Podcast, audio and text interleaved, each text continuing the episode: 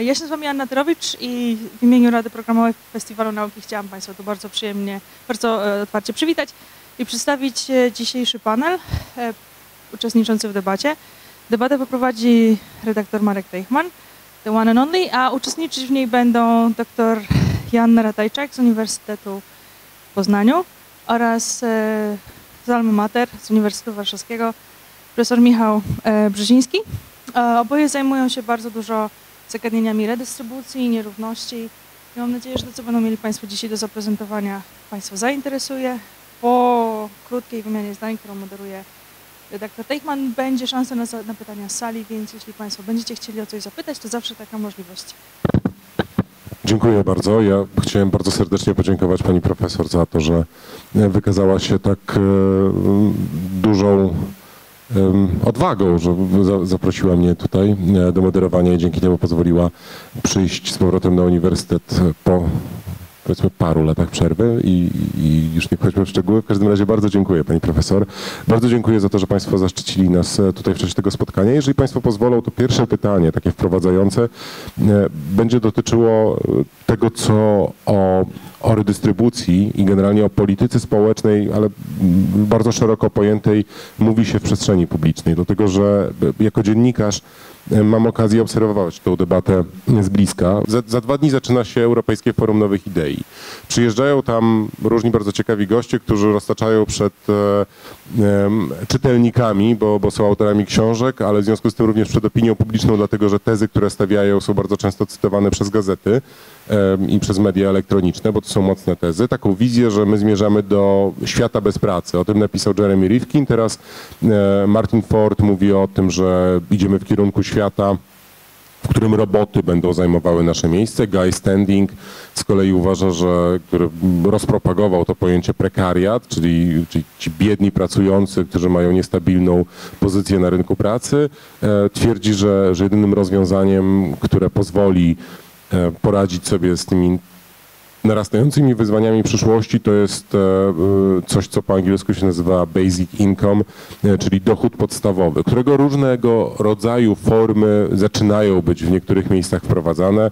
Standing podaje przykład stanu Alaska, gdzie w związku z tym, że tam są duże fundusze opierające się na ropie naftowej wydobywanej w stanie Alaska to, to udało się doprowadzić do sukcesu społecznego i ekonomicznego właśnie tego stanu. E, w Polsce miałem ostatnio okazję robić wywiad z e, panem profesorem Markiem Belką, który na pożegnanie e, swoje z Narodowym Bankiem Polskim między innymi powiedział, że on uważa, że powinniśmy iść w stronę jakiejś formy dochodu podstawowego, która by wyrównywała nierówności i powinniśmy przede wszystkim postawić na bardziej rozbudowaną redystrybucję bogactwa.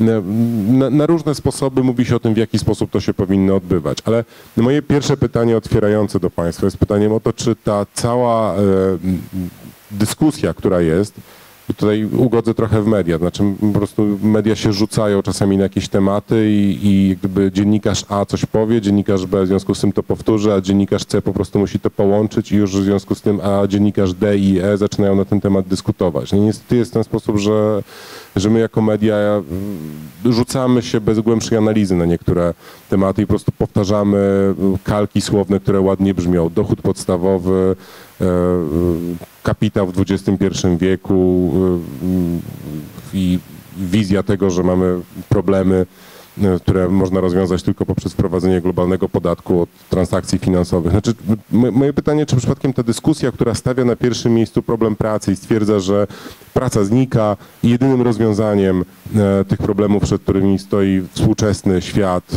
zachodni, to jest polityka społeczna przede wszystkim związana z redystrybucją, czy to jest właściwie postawiona i poprowadzona dyskusja?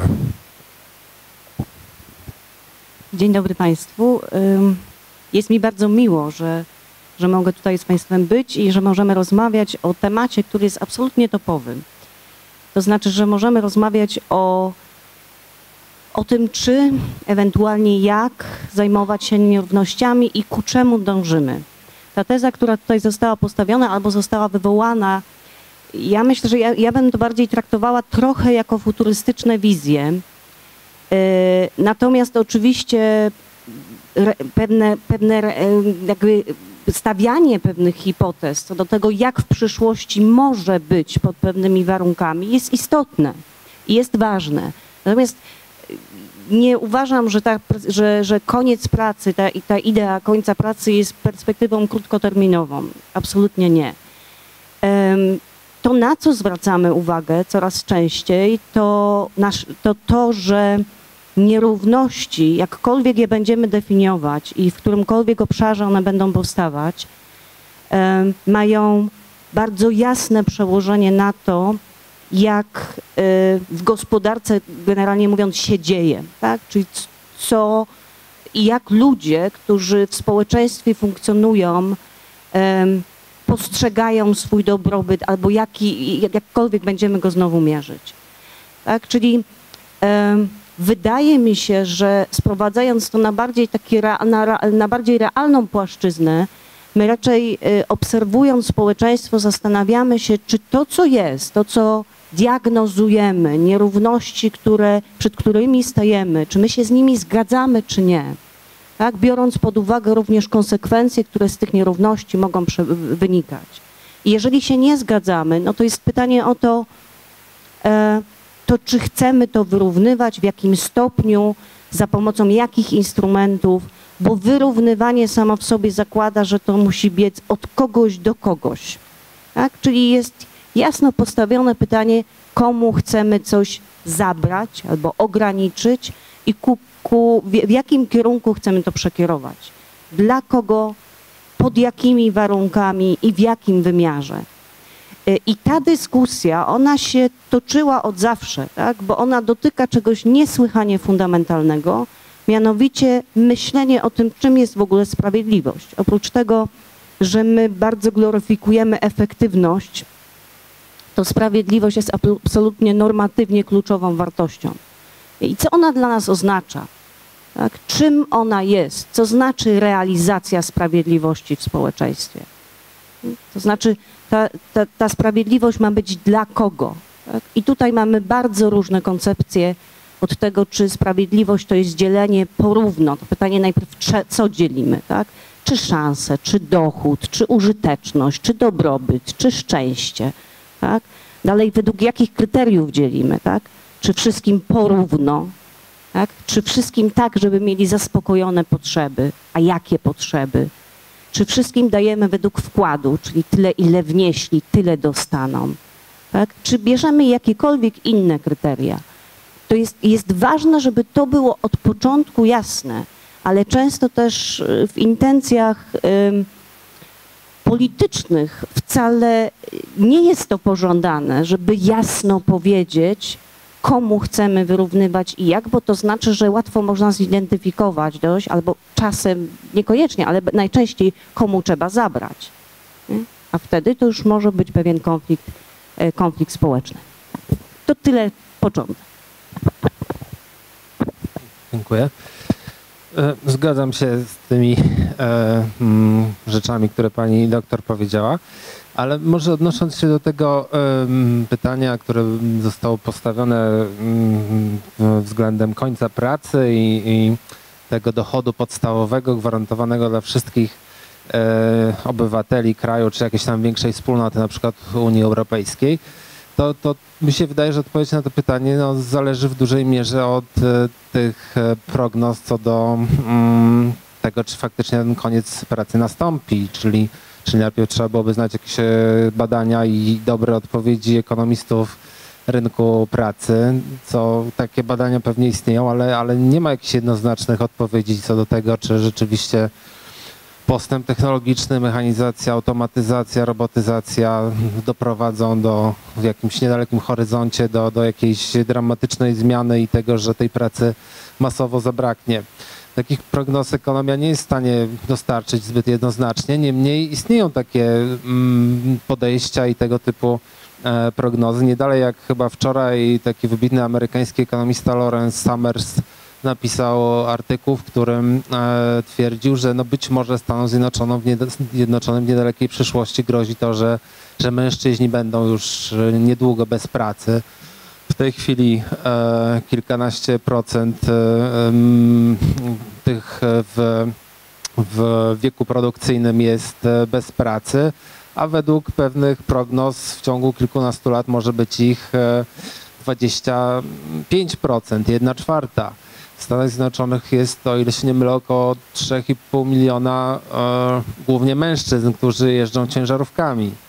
Prawda? Ich w jakiejś tam niedalekiej przyszłości mogą zastąpić samochody jeżdżące automatycznie, no i będziemy mieli armię ludzi, którzy będą bez e, dochodów, e, źli, wściekli i, i duża część z nich będzie ulegała też e, mm, określonym siłom politycznym, prawda, i głosom populistycznym, więc e, być może trudno szacować szanse czegoś takiego, że, że ten brak pracy się zrealizuje, ale jeżeli istnieje mm, choćby niewielkie ryzyko, to być, być może jest to dobrym uzasadnieniem dlatego, żeby myśleć o takich rozwiązaniach jak, jak ten gwarantowany dochód podstawowy, który by każdemu jakąś choćby niewielką kwotę mm, co miesiąc e, e, przeznaczał. E, I te, te głosy są coraz bardziej mm, powszechne. Em, mm, Także w, w Unii Europejskiej czy, czy w, w Europie słyszy się takie propozycje rzucane przez różnych ekonomistów co do tego, aby wzmocnić e, e, te mainstreamowe na przykład siły polityczne w Europie i, i zmniejszyć zagrożenie sił populistycznych poprzez to, żeby e, no, na przykład każdemu Europejczykowi wypłacać e, taki dochód gwarantowany w wysokości jakiejś takiej niewielkiej, na przykład 100 euro e, miesięcznie, no ale to by oznaczało na przykład podwojenie, konieczność podwojenia budżetu Unii Europejskiej. Było niewykonalne praktycznie, prawda?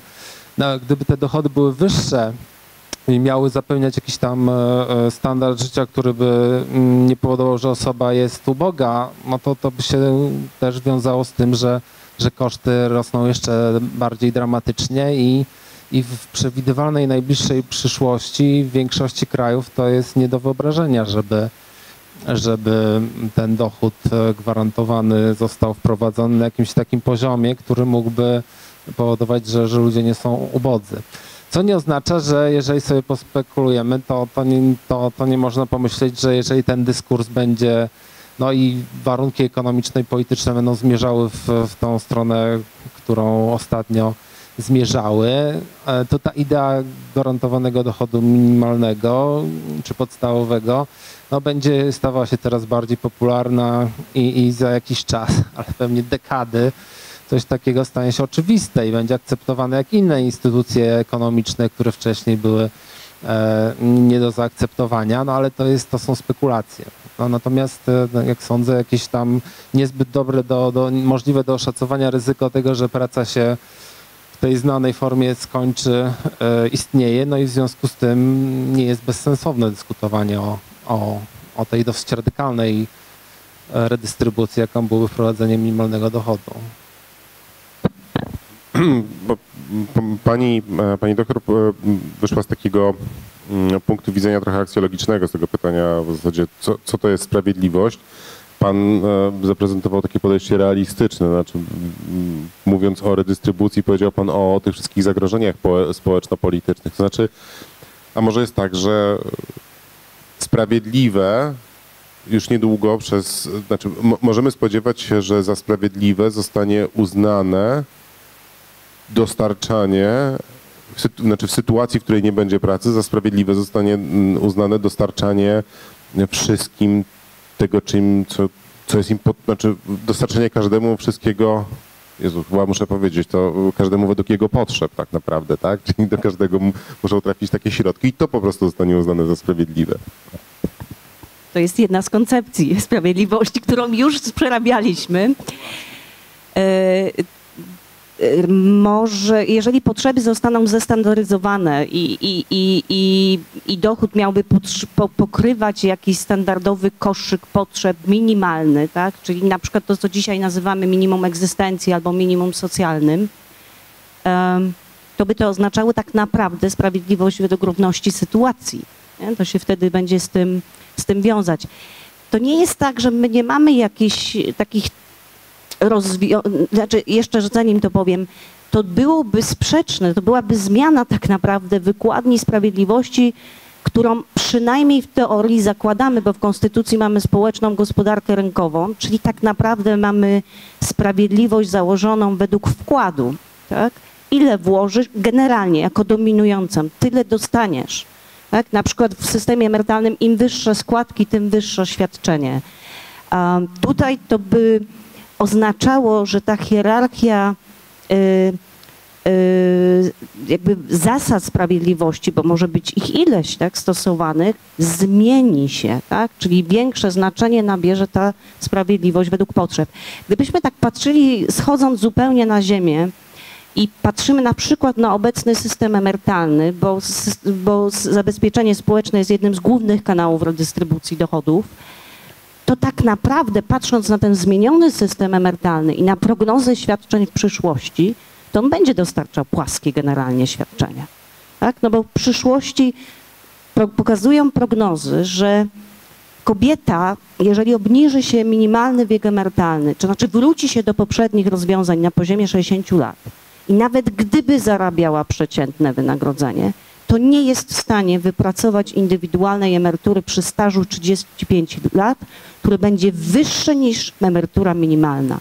To oznacza, Szanowni Państwo, że jeżeli dzisiaj 70% kobiet nie zarabia przeciętnej y, płacy, to że to jest cała grupa osób, które prawdopodobnie, tak jeśli spełnią warunki, będą miały emeryturę minimalną, tak? czyli prawdopodobnie jedną czwartą przeciętnego wynagrodzenia. Czyli to będzie de facto spłaszczenie świadczeń dla ogromnej części beneficjentów.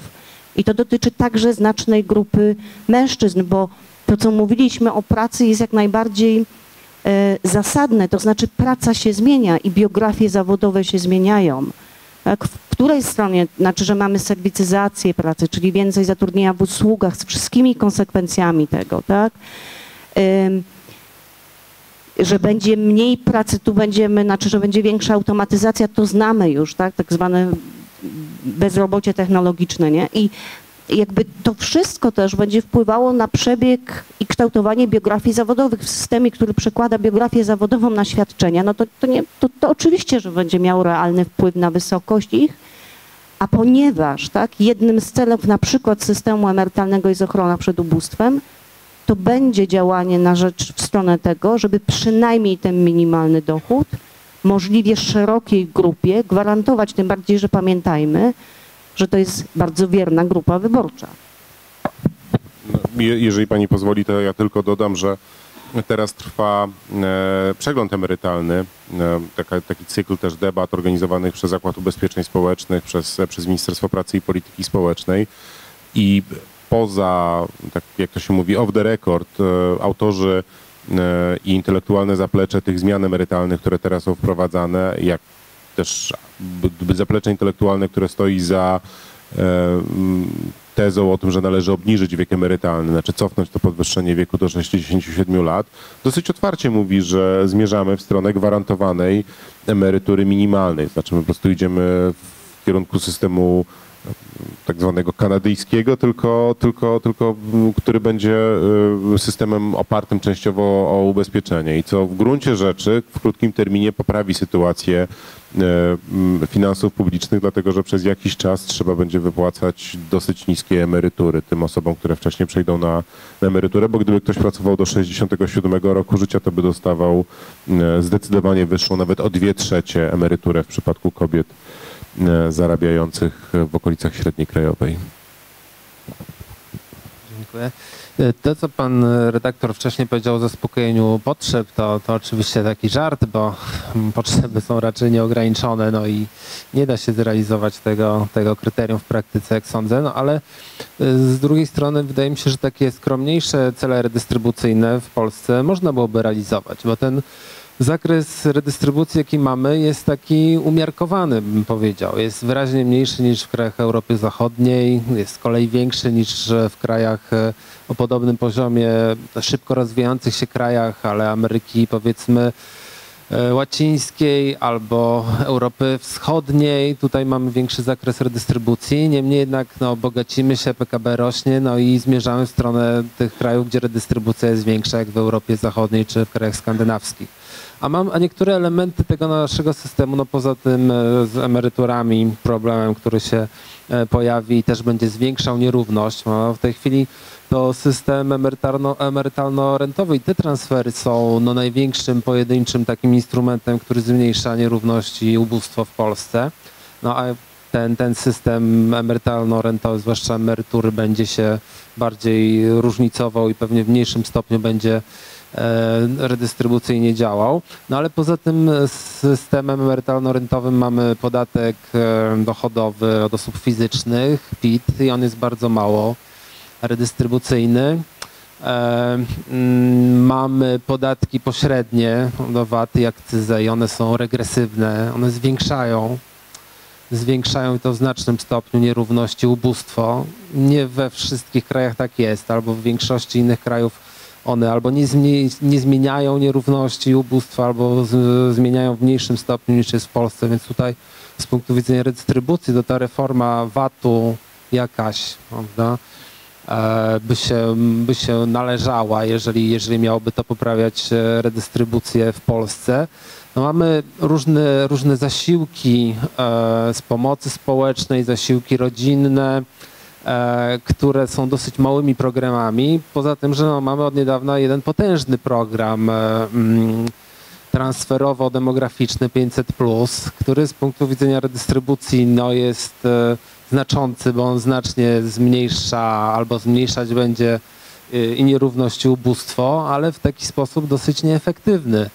E, Wszyscy znamy jego, jego mm, kształt, no i on jest skierowany nie tylko do osób e, gorzej zarabiających, ale też e, otrzymują te, te środki osoby zamożne, które posiadają e, dzieci, no i duża część tych środków idzie do tych gór- górnych elementów rozkładu dochodów. W tym sensie, z punktu, w tym sensie, z punktu widzenia redystrybucji, one są jakby marnowane. On jest mniej efektywny w zmniejszaniu nierówności ubóstwa niż pro, programy stricte transferowe, jak, jak zasiłki rodzinne. O połowę mniej efektywny jest, prawda?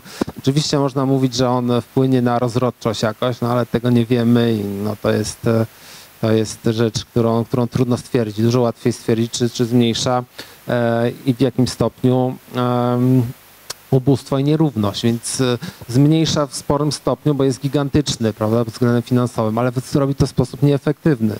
Gdyby go na przykład przekształcić w ten sposób, że, e, mm, że te, te zasiłki byłyby wycofywane przy rosnących dochodach, czyli byłyby e, wygaszane, by tak rzec, wraz ze wzrostem dochodów, a w pełni e, przeznaczane tylko dla osób o niskich i średnich dochodach, to jego siła przy tej wielkości tego transferu w zmniejszaniu nierówności ubóstwa byłaby wielokrotnie większa. E, można byłoby za, za te pieniądze zlikwidować praktycznie całe ubóstwo skrajne, które w Polsce istnieje. 500 plus gdzieś tam zmniejsza to z 9% do 5 czy, czy 5,5, a bo, bo duża część tych, tych środków też idzie dla, dla osób, które są dobrze lub e, bardzo dobrze sytuowane. Oczywiście to jest tylko spojrzenie z punktu widzenia redystrybucji. Prawda? Można bronić programu, mówiąc, że on też ma cele e, demograficzne, które jednak, jak powiedziałem, są niepewne. Więc te elementy tego systemu naszego redystrybucji, jak zwiększyć progresywność PIT e, poprzez no, zmniejszanie podatków na przykład dla tego klina podatkowego e, dla słabo zarabiających, co pewnie w jakiejś mierze się stanie w ramach tej reformy, która nadchodzi, wprowadzenie jednolitego podatku jest, jest zapowiadane. Zmniejszenie regresywności podatków pośrednich, zwłaszcza VAT-u, który jest potężniejszy niż akcyza, ale akcyza też jest bardzo regresywna. E, No i mm, poprawa efektywności funkcjonowania transferów typu 500 to są, to są rzeczy, które można byłoby zrobić, żeby ten system działał bardziej efektywnie.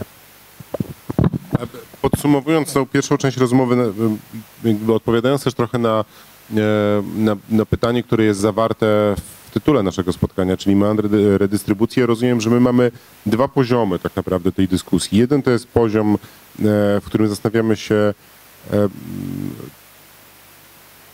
czy powinniśmy e, prowadzić, e, e, znaczy co, jeden poziom to jest poziom właśnie, w którym staramy się odpowiedzieć, na jakim poziomie redystrybucja, czy w zasadzie pomoc społeczna powinna być udzielana. To jest ten jeden poziom taki aksjologiczny. Drugi to jest poziom, na którym my możemy dyskutować o tym, w jaki sposób i za pomocą jakich mechanizmów prowadzić to. Który według Państwa z tych poziomów dyskusji jest ciekawszy tak naprawdę i budzący więcej kontrowersji?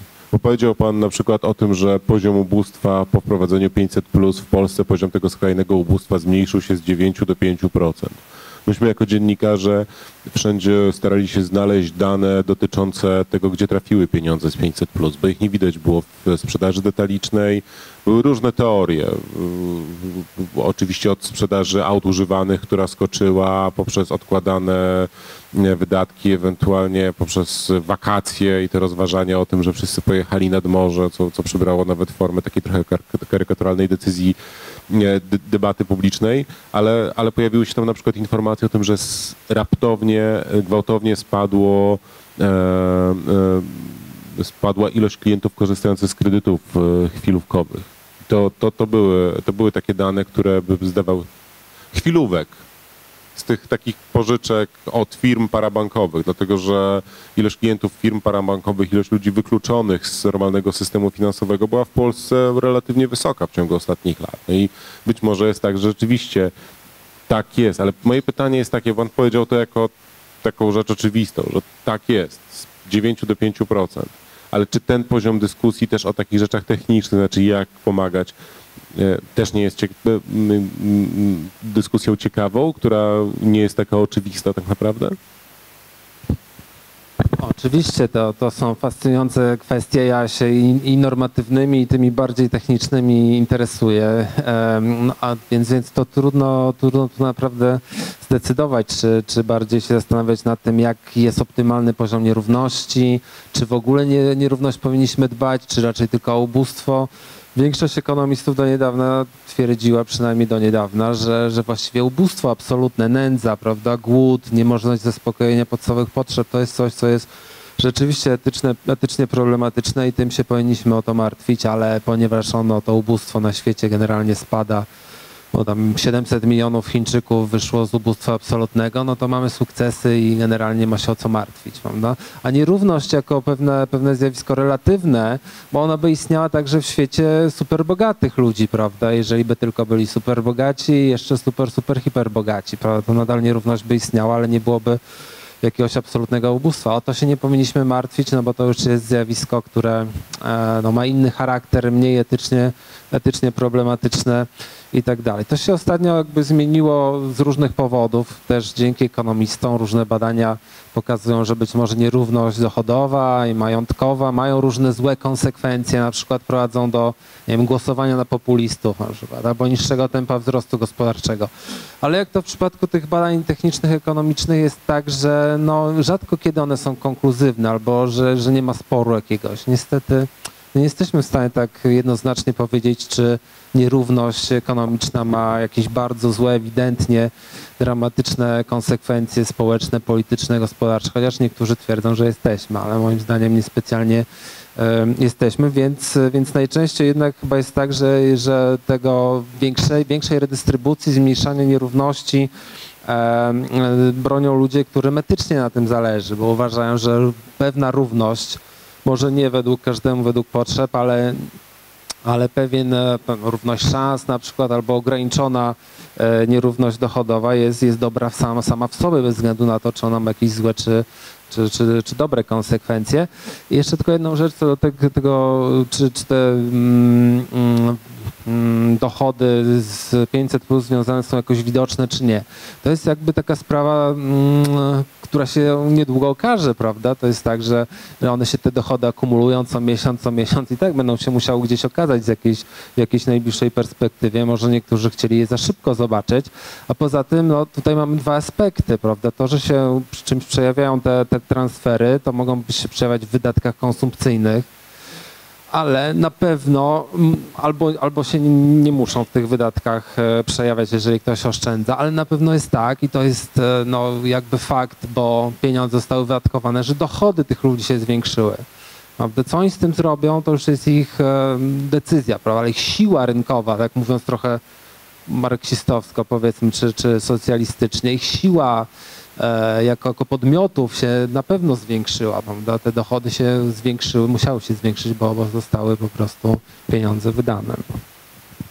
Dlaczego my się w zasadzie wstydzimy takich wątków y, lewicowych? Nawet tak żartuję trochę, tak? Ale, ale ja, ja się ugryzłem w język, jak mówiłem każdemu według jego po, potrzeb. Pan powiedział, że trochę żartuje, żartując można mówić o tych wątkach socjalistycznych, no ale no to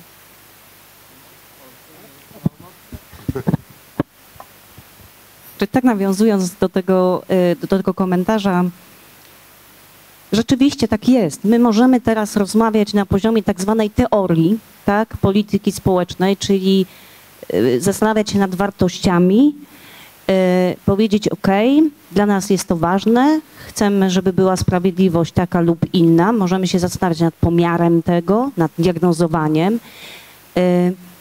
A druga jest, drugi jest jakby obszar nad konstruowaniem instrumentów, a drugi jest obszar tak zwanej praktyki, tak? bo polityka społeczna jako teoria sama w sobie jest po to również, żeby dawać wytyczne do tego, jak robić to, co chcemy robić, żeby ono było skuteczne i efektywne.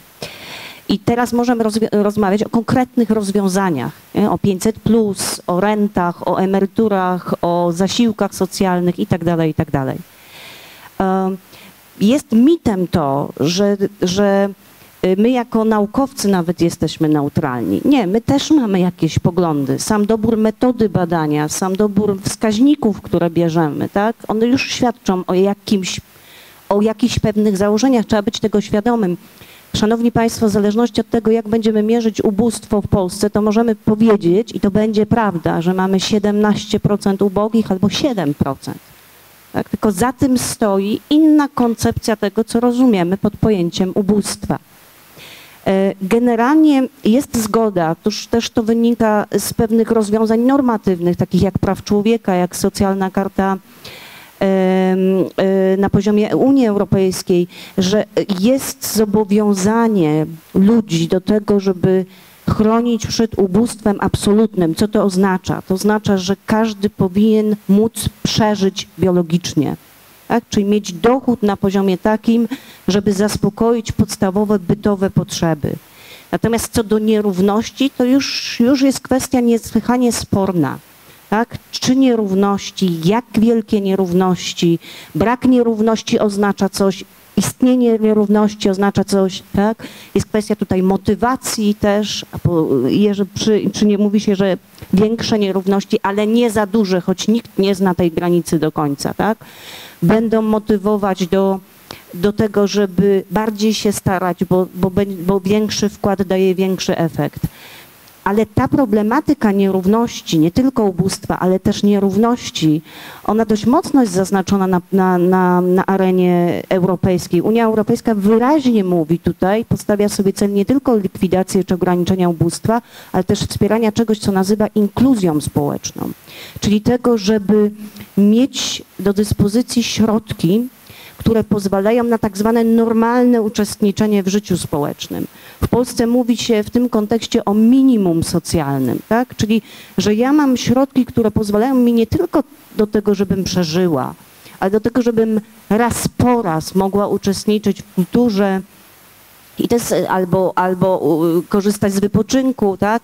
Natomiast to jest kwestia tego, yy, co rozumiemy pod koszykiem tych potrzeb, tak? Czyli jakie to są to potrzeby, jak one będą yy, realizowane, jak one ostatecznie będą wyceniane. I jeszcze ostatnia uwaga. Szanowni Państwo, wielokrotnie tak, my sprowadzamy rozmowę o nierównościach czy o ubóstwie wyłącznie do dochodu, do sprawy pieniężnej. A tak naprawdę nasz poziom życia zależy nie tylko od tego, ile ja mam w kieszeni, ale jest, to jest elementem tylko uwarunkowań czy otoczenia, w którym ja funkcjonuję. Tak? Bo, je, bo mogę mieć mniej w kieszeni, tak? Jeżeli mam z publicznych, jeżeli jest z publicznych podatków gwarantowany koszyk świadczeń w ramach opieki zdrowotnej, czy wtedy w służby zdrowia będzie się nazywało, tak? W zależności od tego, jakie są uwarunkowania mieszkaniowe, rodzinne i w innych również subsystemach polityki społecznej. I o tym absolutnie nie należy zapominać.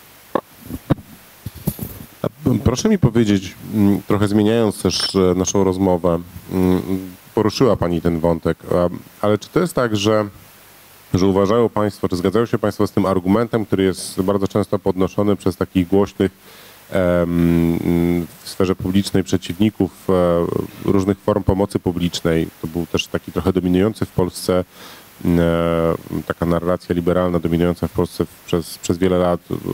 Taka teza o tym, że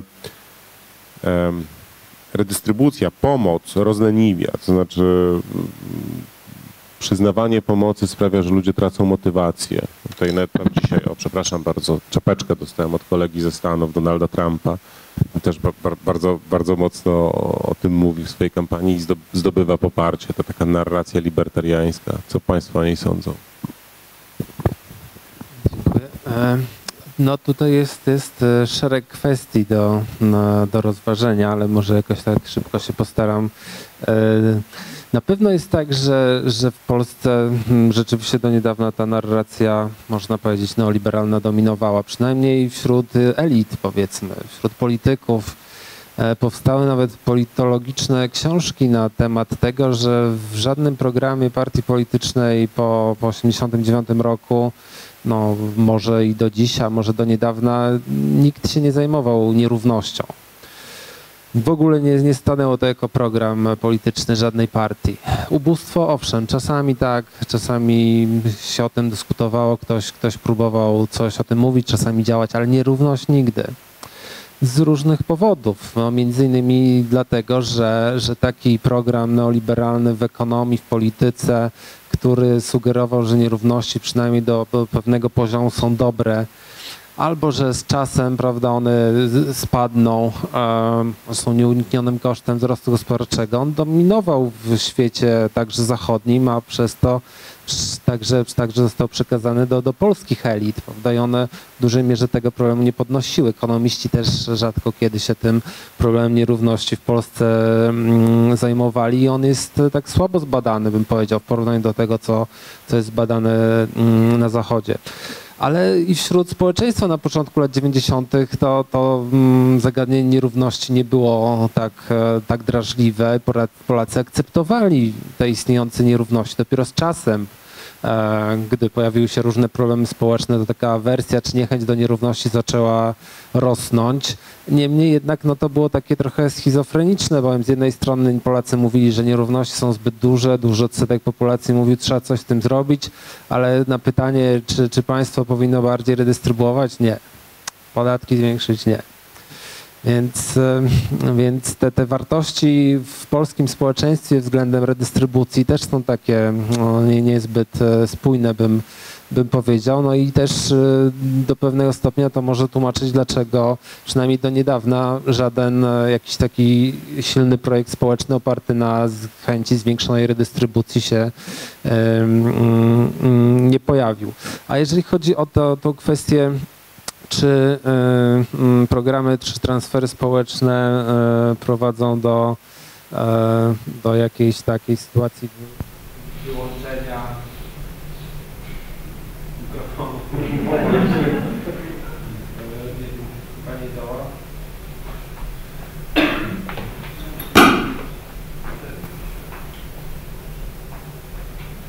Tak, nie działa.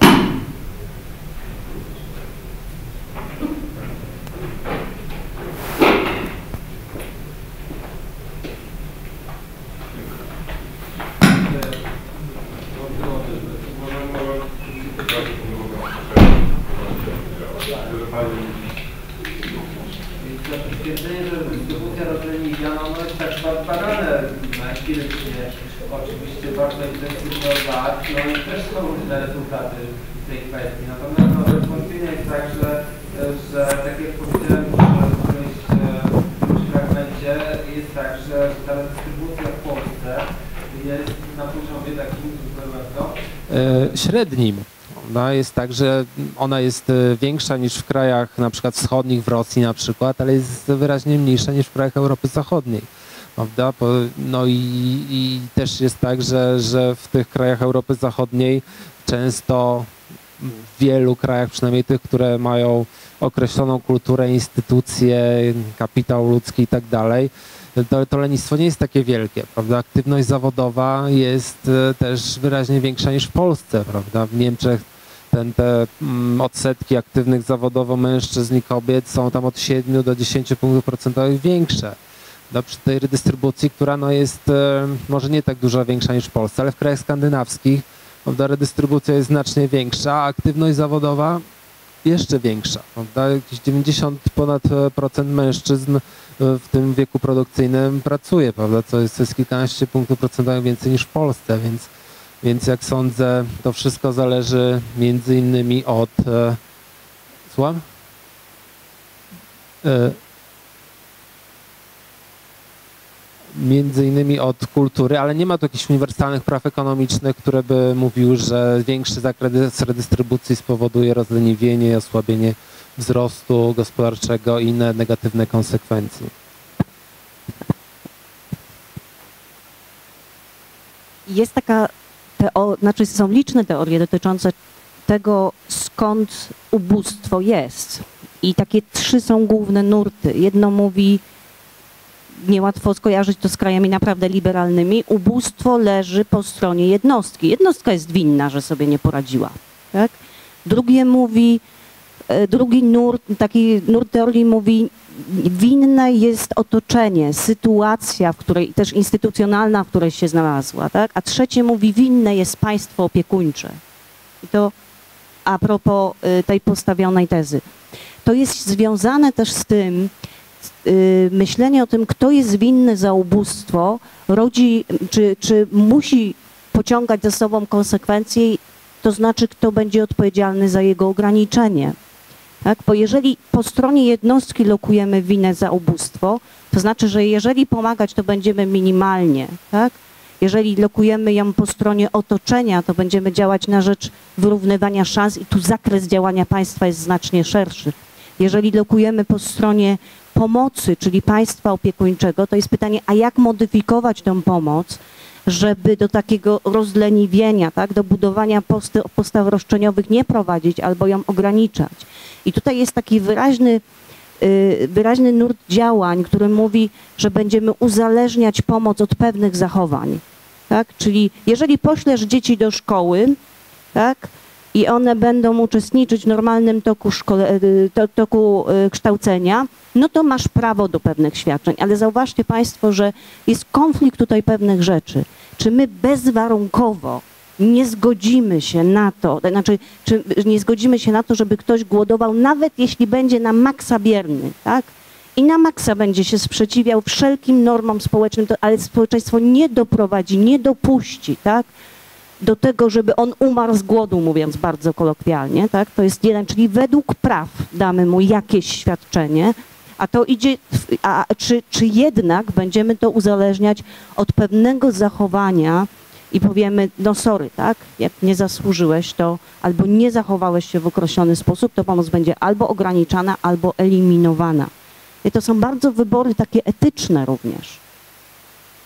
Ja, ja zaraz e, przekażę Państwu e, głos e, i poproszę o zadawanie pytań, ale ja chciałem mimo wszystko się jeszcze dopytać naszych panelistów. Ale jak Państwo uważają, czy, czy, pom, czy redystrybucja uczy bezradności, czy, czy przynosi negatywne konsekwencje? Tak, tak czy nie i dlaczego? Ja bym trochę ad vocem odpowiedziała. Jeśli jest redystrybucja szans, równych szans, tak, to znaczy, że każda jednostka i stworzone są warunki, że każda jednostka może osiągnąć cel, który chce, w takim stopniu, który chce, to powiedziałabym, że redystrybucja dochodowa może mieć, być w mniejszym stopniu. Tak?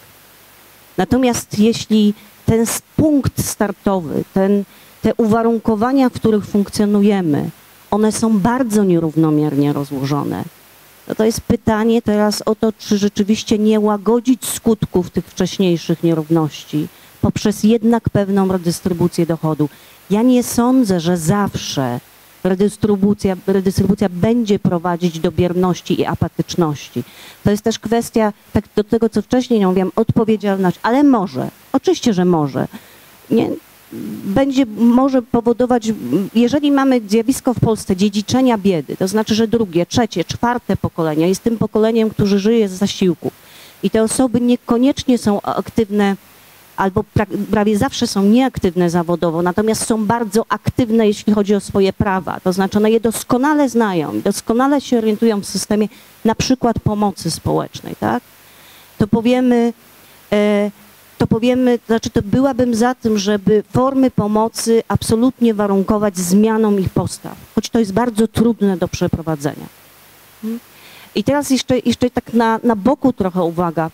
Wiecie Państwo, akceptacja lub nie pewnych, i zachowa, e, pewnych zachowań i same postawy ludzi zależą też bardzo mocno od otoczenia kulturowego. Bo jeżeli mówimy o wysokim stopniu redystrybucji w Szwecji i o wysokich relatywnie stopach aktywności zawodowej czy zatrudnienia, to trzeba pamiętać, że tam panuje taka, e, takie przekonanie, że społeczeństwo jest odpowiedzialne za byt jednostki i, do, i celem jest ym, y, zagwarantowanie każdemu poziomu życia na, na, na, na poziomie warstwy średniej. Tak? Zupełnie inne jest podejście w krajach kontynentalnych na przykład i w liberalnych to już zupełnie. Tak? Czyli, że tam y, odpowiedzialność lokuje się albo po stronie samej jednostki, żeby wyszła na przykład z ubóstwa, albo po stronie społeczności lokalnej, rodziny, tak, zdecydowanie większym stopniu niż rozkłada się to, czy kładzie się nacisk na zasadę solidarności, że pomożemy sobie nawzajem. Dziękuję. E, Nie, jestem zdecydowanie przeciwny takiej, takiej tezie, że redystrybucja powoduje, e, czy, czy uczy bezsilności, bezradności, powoduje nieaktywność i ludzie reagują na bodźce, to na pewno. Jeżeli te zasiłki są wystarczająco wysokie, to prawie każdy na przykład zrezygnuje pracy, z pracy. Prawda? Gdyby każdemu z nas zaproponować zasiłek w odpowiedniej wysokości, nie wiem, 5, 10, 20 tysięcy, to każdy prawie zrezygnuje, prawda? Więc to jest tylko i wyłącznie kwestia tych interakcji pomiędzy regułami, wysokością zasiłku, wiem, kulturą i, i, i wyposażeniem e, konkretnej mm, e, osoby.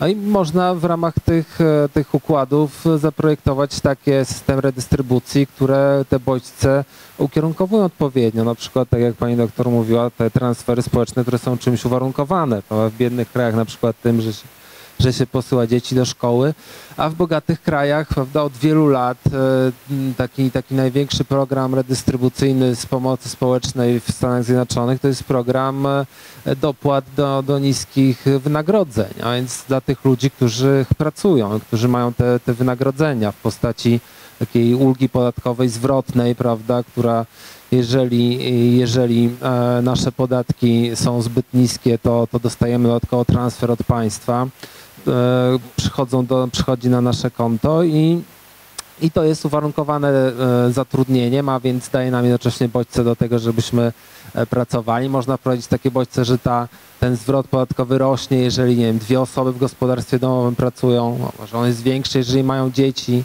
na przykład. I tym za jedną sprawą, za jedna instytucja by zarazem załatwiała redystrybucję, zmniejszanie ubóstwa, w jakimś zakresie nierówności, a jednocześnie nie generowała e, jakichś negatywnych zjawisk związanych z, ze zmniejszaniem się e, zatrudnienia na przykład, e, bądź, bądź generowaniem się jakichś, jakichś takich międzypokoleniowych związków dotyczących dziedziczenia ubóstwa. Poza tym no to dziedziczenie ubóstwa no to jest tak naprawdę bardzo niewielka część populacji to zjawisko może doliczy, dotyczyć. Nie? Mniej niż e, 5% powiedzmy w skali polskiej populacji zdecydowanie, prawda? podczas gdy redystrybucja dotyczy prawie wszystkich, prawda?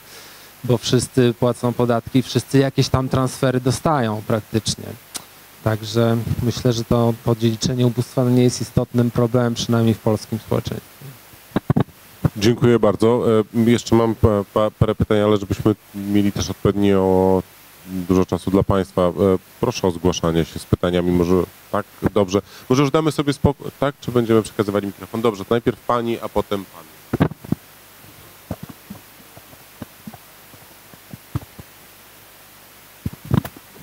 Dziękuję bardzo. E, Renata Sobierajska. Jestem osobą zainteresowaną problemem. E, No cóż, e, ja trochę jestem e, zaniepokojona i zdziwiona tą dyskusją państwa.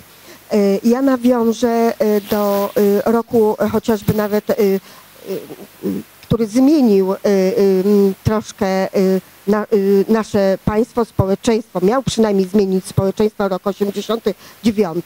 Ym, Tutaj uważam, że ta zainteresowanie organów władzy państwowej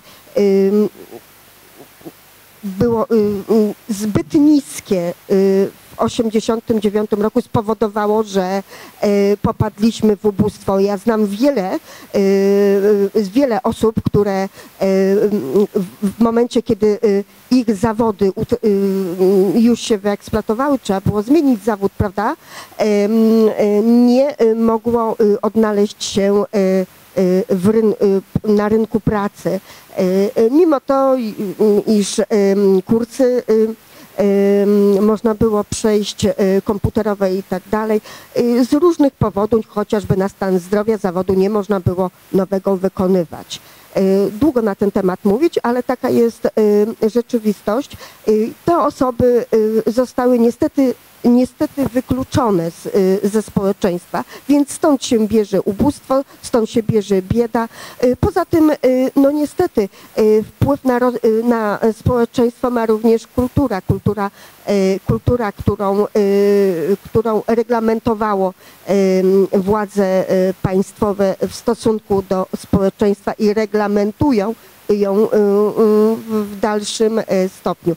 Ja jeszcze y, nie wiem, jak się Państwo do tego ustosunkujecie, natomiast mnie tutaj mój kolega również poruszył temat y, y, chociażby takiego giganta jak Zakład Ubezpieczeń. Bardzo mnie interesuje, ponieważ ja kiedyś spotkałam się z panem ministrem, panem ministrem gdzieś na jakiejś dyskusji ministrem zdrowia i zadałam parę pytań, gdzie są chociażby nawet y, te emerytury, gdzie ludzie nie poodbierali. Też mam taki przykład y, wśród znajomych, ani jednej emerytury i rodzina tych pieniążków nie widziała. Y, Pieniążki miały pójść za pacjentem, okazuje się, że nie ma. Y, W tej chwili za wszystko y, praktycznie musimy płacić y, i nic tak naprawdę z tego nie rozumiemy. Y, Także to są moje uwagi, pytania i chciałabym, żebyście Państwo rozwiali może część y, moich uwag, wyjaśnili. Dziękuję bardzo. Tak, jakbym mogła prosić, jakby pan mógł pytanie zadać. Dobrze, e, najpierw się przedstawię. Moje nazwisko Mariusz Plus. E, jestem ekonomistą i chciałem e, po, pokrótce może... E, moje pytanie będzie takie, że pewien pomysł i poproszę o jakikolwiek komentarz, jeżeli to można również takie, tego typu pytania e, zadawać. A jeszcze chciałem e, na początku e, trochę powiedzieć trochę komentarza do tego, co słyszałem. To znaczy, patrząc na to, co, co się dzieje na świecie, ile jest ludzi potrzebnych pomocy, przetransportowania im żywności, to uważam, że bardzo, da, bardzo, bardzo dalekiej przyszłości powinno być tak, żeby te rzeczy, pytanie się innej strony, yy, kto by za to zapłacił, ale że potrzeby będą tak duże, żeby y, wystarczyło bardzo, bardzo, na bardzo długi czas ludziom pracy. Ale chciałem też już powiedzieć, właśnie mój pomysł jest związany z faktem, ym, który pani doktor powiedziała, że po to, żeby komuś pomóc, komuś rozwiązać, trzeba komuś zabrać. Można niekoniecznie. Można być sobie wymyślić sobie taką sytuację, że e, mamy jakąś rzecz ważną społeczną, na przykład ochrona zdrowia, ubezpieczenie społeczne, oświata, różne inne rzeczy. I y, po to, żeby to, e, żeby to zrealizować, powołuje się, tworzy się jakiś fundusz I, z jednej strony ludzie, którzy chcą z tego korzystać, mówią, że będą wpłacać, a będą korzystali wtedy, kiedy będą potrzeba im. Będą chorzy, kiedy będą na emeryturze, e, a w związku z tym oczywiście niektórzy będą korzystać, ale oczywiście nie, nie, nie będzie to po jednej stronie, po drugiej stronie i będą takim samym, mm, ci będą, nie będzie tak, że ci, którzy wpłacą na przykład 100 zł, będą potem brali 100 zł. Niektórzy będą brali więcej, niektórzy będą brali mniej.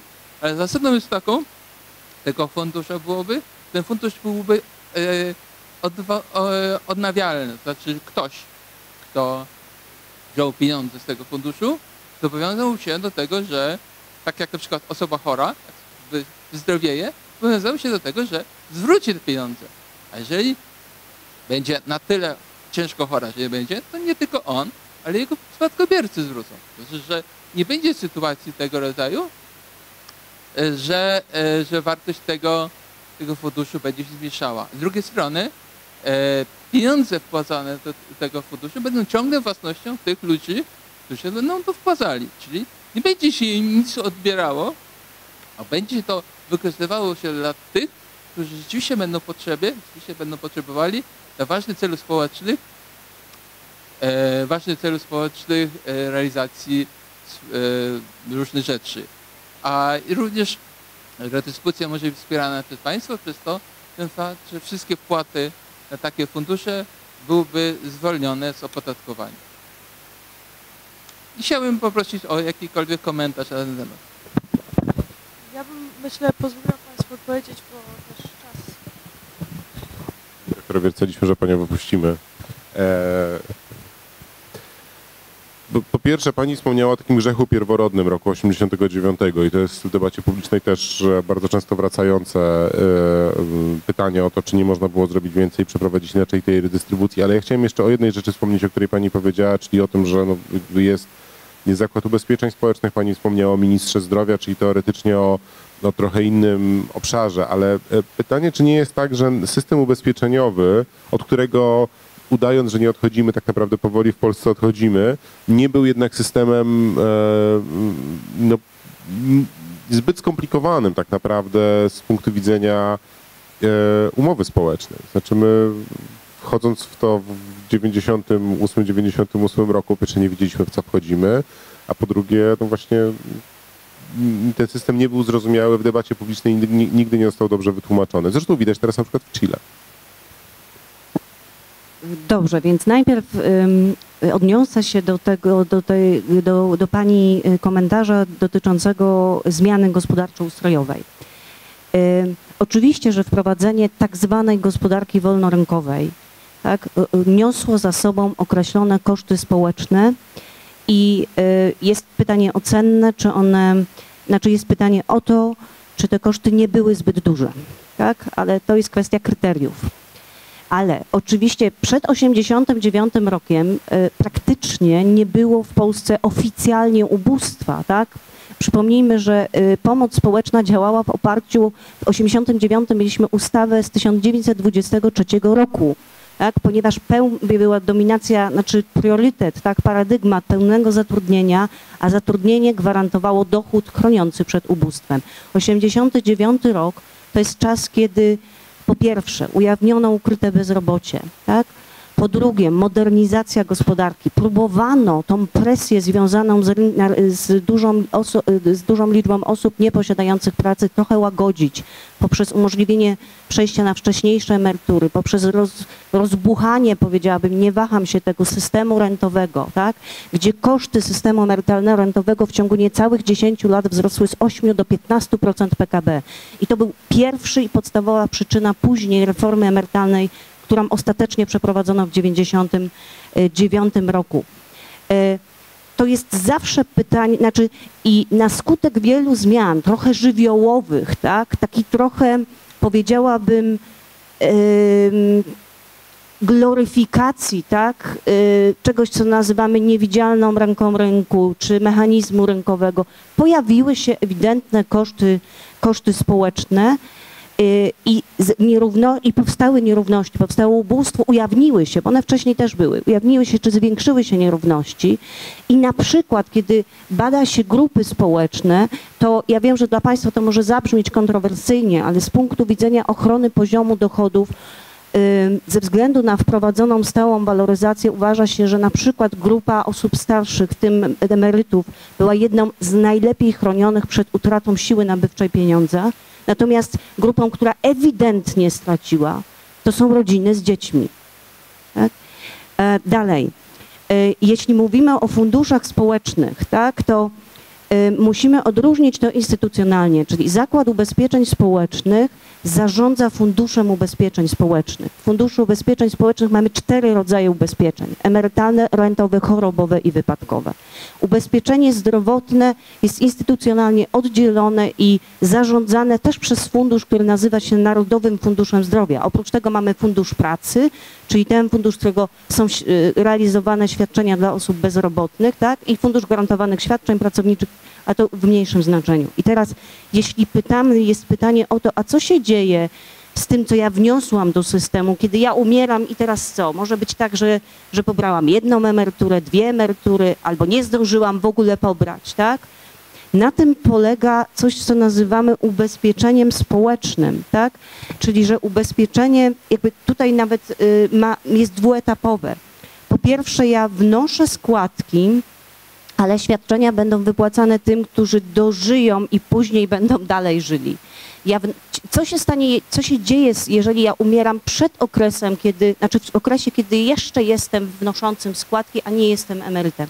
Te świadczenia, te składki emerytalne zasilają fundusz emerytalny. Natomiast Ci, którzy pozostają po mnie, wobec których ja miałam obowiązek alimentacyjny, mają uprawnienia do tak zwanej renty rodzinnej z ubezpieczenia rentowego. Jest to wspólne świadczenie w Polsce dla wszystkich, wobec których zmarły miał obowiązek alimentacyjny i jego wysokość jest uzależniona od liczby uprawnionych osób, tak? Z tą maksymalną wysokością 95% dla trzech i więcej ilości, większej ilości osób.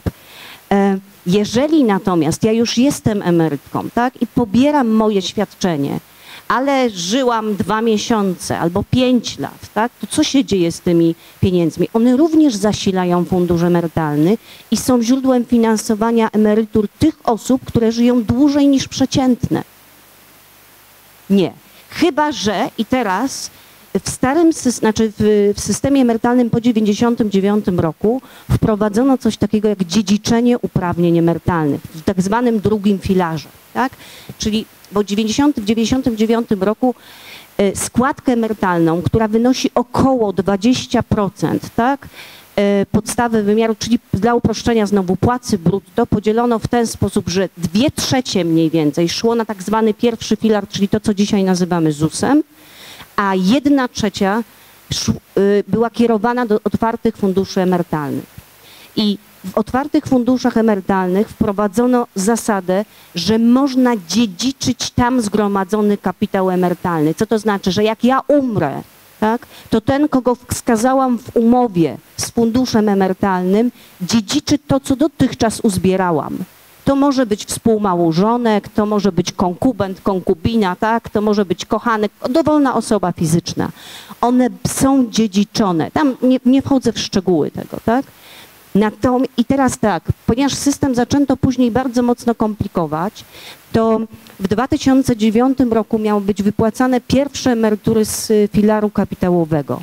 Ponieważ ustawa została zawetowana przez prezydenta, to rozwiązanie znaleziono takie, że kapitał z drugiego filaru będzie brany pod uwagę przy wyliczaniu emerytury z ZUS-u. To znaczy ZUS powie tak w momencie, kiedy przechodzę na emeryturę. Wyliczy swoją emeryturę i powie tak, a słuchaj, a ile ona miała w swoim otwartym funduszu emerytalnym?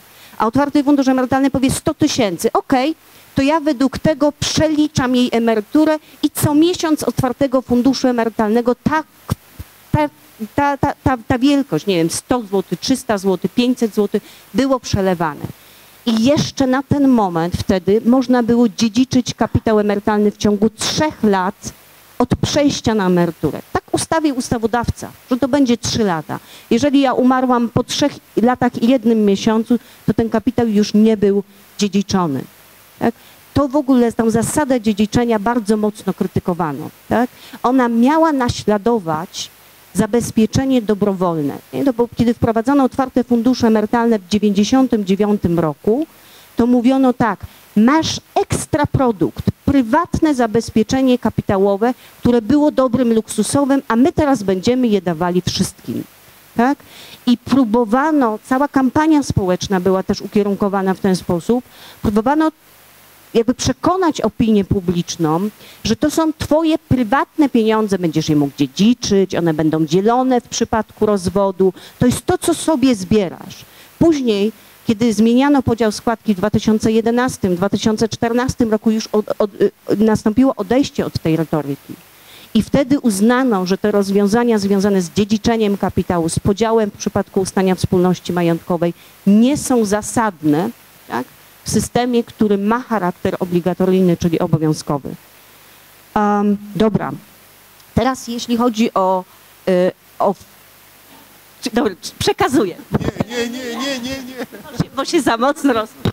nie, nie, naprawdę. Aha, okej.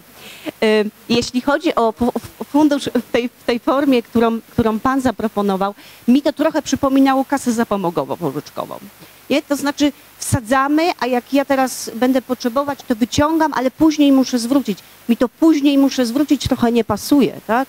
Bo jak będę chora na, będę cierpiała na nowotwór, to dlaczego obciążenie będzie, będzie kierowane w stosunku do, do, do, do na przykład moich dzieci, tak? Dlaczego one mają y, z tego tytułu, to, to, by, to by trochę przypominało taką samopomoc, trochę spółdzielnie, ale troszkę, tak? Nie wydaje mi się, że w, że w dużej skali będzie to działało, bo będzie pytanie, jak dzielić, bo może prawdopodobnie będzie więcej chętnych do wzięcia niż, niż puli, którą można dzielić i tak jak nie pokryje potrzeb, tak?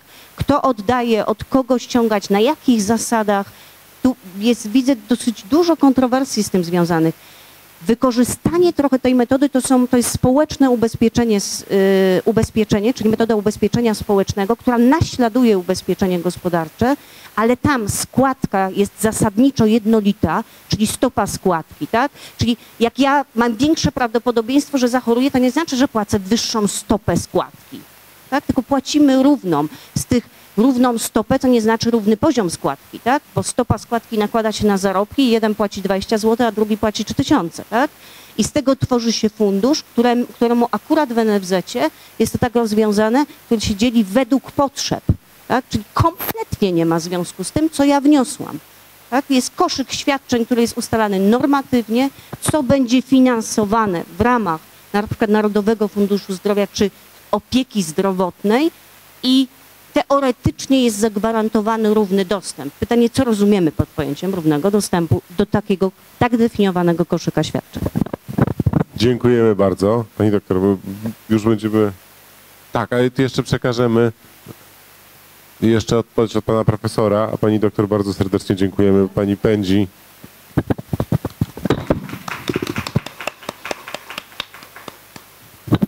I życzymy bezpiecznej drogi.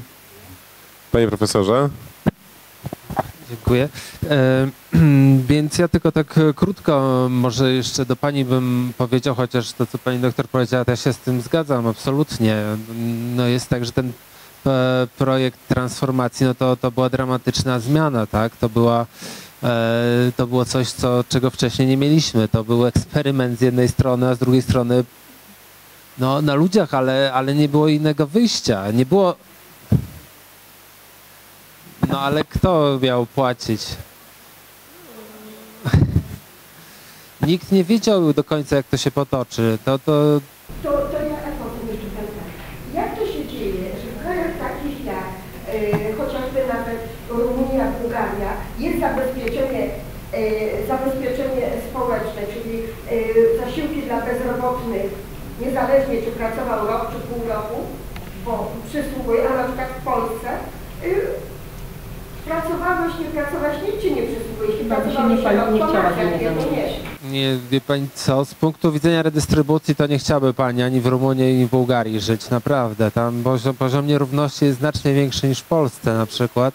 Proszę pana, nie byłam, ale wiem, że sytuacja, ponieważ y, ja, y, nie wiem, taką książeczkę, y, y, po, Ale niech pani po da zakończonych odpowiedź badaniach panu profesorowi. y, y, prze- przeglądałam, mam to w domu, no i jestem zorientowana, jak to wygląda y, w tamtych krajach. E, Byłam zdziwiona, że y, jednostka y, jest bardziej zabezpieczona niż w Polsce. No. Zabezpieczenie jest dużo większe. Można to, to pozwólmy odpowiedzieć panu profesorowi, ale wydaje mi się, że to, to, to, to był w takim wypadku bardzo e, w jakimś sensie w sprzeczności z większością publikacji badanych. Nie wiem, jak to jest w tej chwili z zasiłkiem na bezrobotnych w, Romu, w Rumunii, jak, jak, na jakich zasadach on jest ustalany, ale u nas po 1989 roku też tak było w pierwszych latach, że ten zasiłek dla bezrobotnych był ustalony w relacji do, do, do płacy poprzedniej, prawda, i to wysoko był na początku. To było ponad 50, 50% o ile pamiętam, ostatniej płacy. No i ten system nie wytrzymał, eksplodował, prawda, bezrobocie no niestety, nie było innej możliwości. Niestety tak, takie, takie były koszty, ale były i wcześniejsze emerytury, były i hojnie przyznawane renty. To nie było tak, że, że tę transformację zrobili ludzie, którzy, którym nie był los, których, których e, los ludzi był zupełnie obojętny, nie było żadnych mechanizmów zabezpieczenia, wręcz przeciwnie. One z czasem oczywiście w dalszym e, toku lat 90.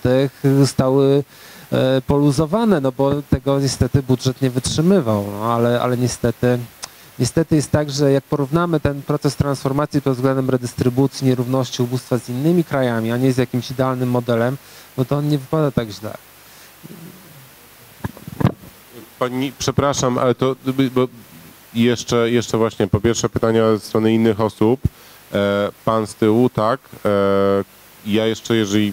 To ja, ja jeszcze jedno pytanie, zanim panu przekażę, bo ja też chciałem się spytać o to, panie profesorze, jakie w Polsce mechanizmy według pana są najbardziej efektywne, jeżeli chodzi o mechanizmy redystrybucji? Co to znaczy efektywne? To znaczy, jakie osiągają cele?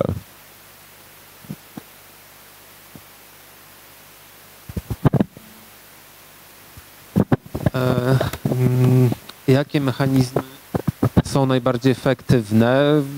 Co to znaczy, że są efektywne? To znaczy, że są w stanie, jeżeli chodzi tu o taką efektywność e, e, redystrybucyjną, no to, to byłoby e, mm, jakiś taki mm, stopień w, mm, który przy określonej kwocie pieniężnej jesteśmy w stanie zredukować w największym stopniu ubóstwo lub nierówność, prawda? To są troszkę różne pojęcia, o tym już mówiliśmy, no ale, ale można e, mówić tutaj o efektywności w redukowaniu ubóstwa albo efektywności w redukowaniu em, nierówności, prawda? Więc można za, za daną kwotę pieniędzy zrobić to lepiej lub gorzej, bardziej lub mniej zredukować e, nierówność.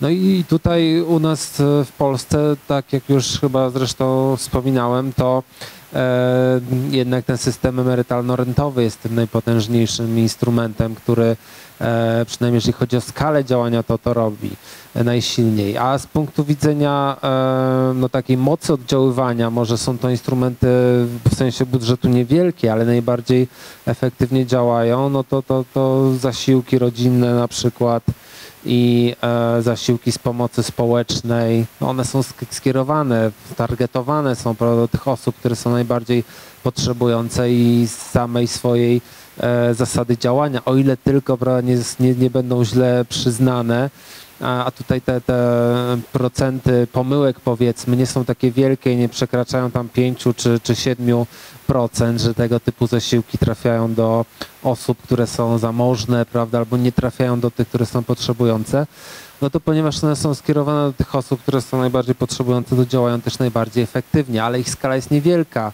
w tym sensie, że one są zwykle niskie, prawda, zasiłki z pomocy społecznej w Polsce i te e, zasiłki e, rodzinne, prawda, więc one są najbardziej efektywne, ale jednocześnie ich siła oddziaływania nie jest taka wielka.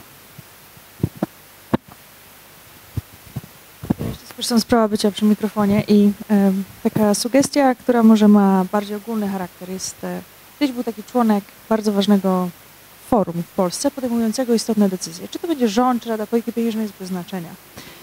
Dobrze, był sobie członek e, bardzo ważnego forum podejmującego decyzje w Polsce, czy to jest Rada Polityki Pieniężnej, czy rząd, czy cokolwiek, bez znaczenia. I ten człowiek miał zwyczaju przychodzić na spotkania i kiedy dostawał jakieś dane, ktoś mu prezentował jakąś twardą wiedzę, to zwykł mawiać ten człowiek do wolnej płci. A jak dzisiaj rano jechałem, jechałam, to widziałem to i to. I to się w ogóle nie zgadza z tymi danymi. To nie jest najlepsza heurystyka na poznawanie rzeczywistości, więc nawet jeśli znamy dużo osób, które miały strasznego pecha w transformacji, nie znaczy, że to jest ogólna opowieść o transformacji. Prowadzimy badania dotyczące prywatyzacji, które mówią, że sytuacje, kiedy ludzie byli zwalniani, było bardzo niewiele. Ale te, które były, były tak traumatyczne, że naznaczyły całą narrację na temat prywatyzacji w Polsce. Sama redukcja zatrudnienia firm państwowych, które zostały sprywatyzowane, była sześciokrotnie mniejsza niż to, co się dzieje w każdym roku teraz, kiedy już nie ma firm państwowych. Sześć razy mniej ludzi zwolniono wtedy, niż zwalniamy w każdym roku teraz, w 2010, 2011, 2012, 2013, 2014. Nikt nie mówi, że jest trauma, nie? Więc y, pamiętajmy czasem o liczbach, a już oddaję mikrofon. Dziękuję. E, Sławomir Łata. E, Ja chciałbym poruszyć dwie rzeczy. E, Pierwsza rzecz to jest koszty redystrybucji, czy na przykład na przykładzie tych środków transportowanych dla najbiedniejszych przez rząd, czy ta armia urzędników, która jest po drodze, nie generuje sztuczne koszty, zaczynając od VAT-u, który jest tak skomplikowany i do tego trzeba zatrudniać całą machinę przez e, u- u- unijne dyrektywy różnego rodzaju, z prostowaniem bananów włącznie. I drugie, e, druga rzecz to jest, e, Państwo się skupiacie na dystrybucji do najbiedniejszych, ale e, trzeba było też zadać sobie pytanie, e, czy to nie jest tak, że ci najbiedniejsi ciągle są najbiedniejszymi, ponieważ e, istnieje e, dystrybucja w drugą stronę. Bo co zrobić, jeżeli e, jak to e, neoliberalni e, ekonomiści mówią, że e, magiczna e, ręka rynku wszystko uzdrowi. Są pracownicy, którzy podnoszą swoją wydajność, ale e, ich e, zarobki pozostają w miejscu, bo prawda, cały ten zysk z z ich większej wydajności bierze ich pracodawca. Dziękuję.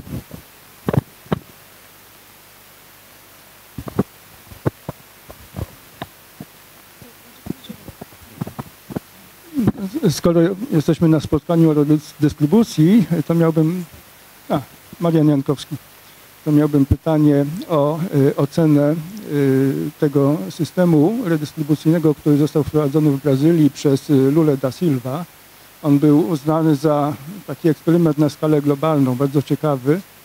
Polegał na kupowaniu przyzwoitości i odpowiedzialności za pieniądze państwowe.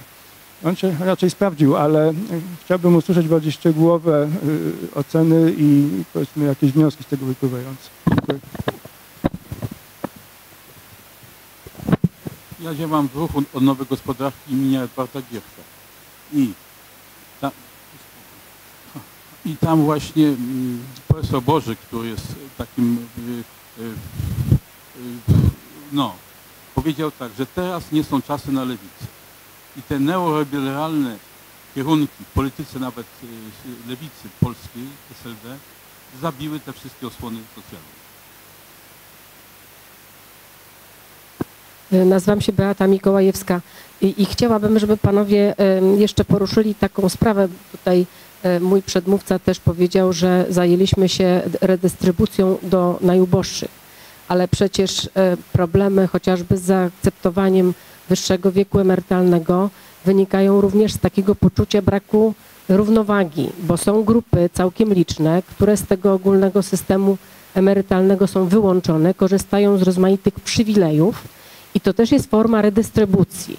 E, Jeżeli komuś, który, kto się powiedzmy spodziewał, że w wieku 60 lat pójdzie na emeryturę, pracuje już 20 czy 30 lat, mówi się, że musi pracować dłużej, w porządku, ale ktoś, kto w służbach pracuje e, tydzień, e, mówi się, że ma prawa nabyte, a ten, kto już pracuje w, nie będąc żadną uprzywilejowaną grupą 30 lat, żadnych praw nabytych nie ma, więc pewne mm, poczucie, że tylko niektórzy tego pasa muszą zacisnąć, żeby tutaj gospodarka wytrzymała, ale są grupy zupełnie wyłączone i o tych mm, e, przywilejach się rzadko mówi jako o swoistej formie redystrybucji, prawda? Czasem się podaje takie przykłady, że fryzjerka płaci wyższy podatek niż bogaty rolnik, ale no generalnie ta narracja się słabo przebija, a to też jest jakaś forma redystrybucji, tylko pytanie, czy we właściwym kierunku.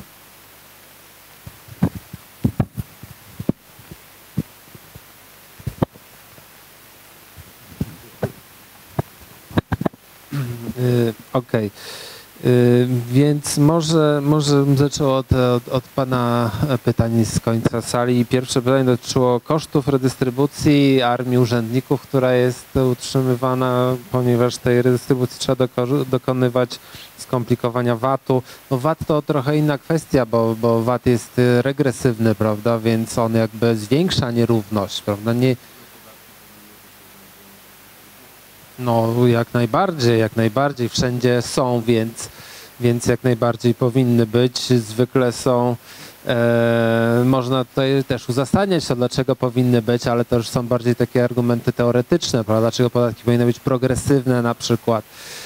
E, mm, Natomiast jeżeli chodzi o te koszty redystrybucji, no to, to ja bym nie powiedział, że one są jakoś e, szczególnie wielkie, w Polsce. Ogólnie te, te wydatki Polski na, e, na ogólne funkcjonowanie rządu, prawda, to jest, e, to jest relatywnie niewielka część całkowitych wydatków, porównywalna z tym, co się dzieje w, w naszym tutaj regionie krajów Europy Środkowo-Wschodniej, mniejsza niż to, co wydają państwa zachodnie, prawda, na to, więc no to, to nie, nie jest tak, że my na przykład nie, nieefektywnie jakoś to redystrybuujemy, albo że rząd działa nieefektywnie.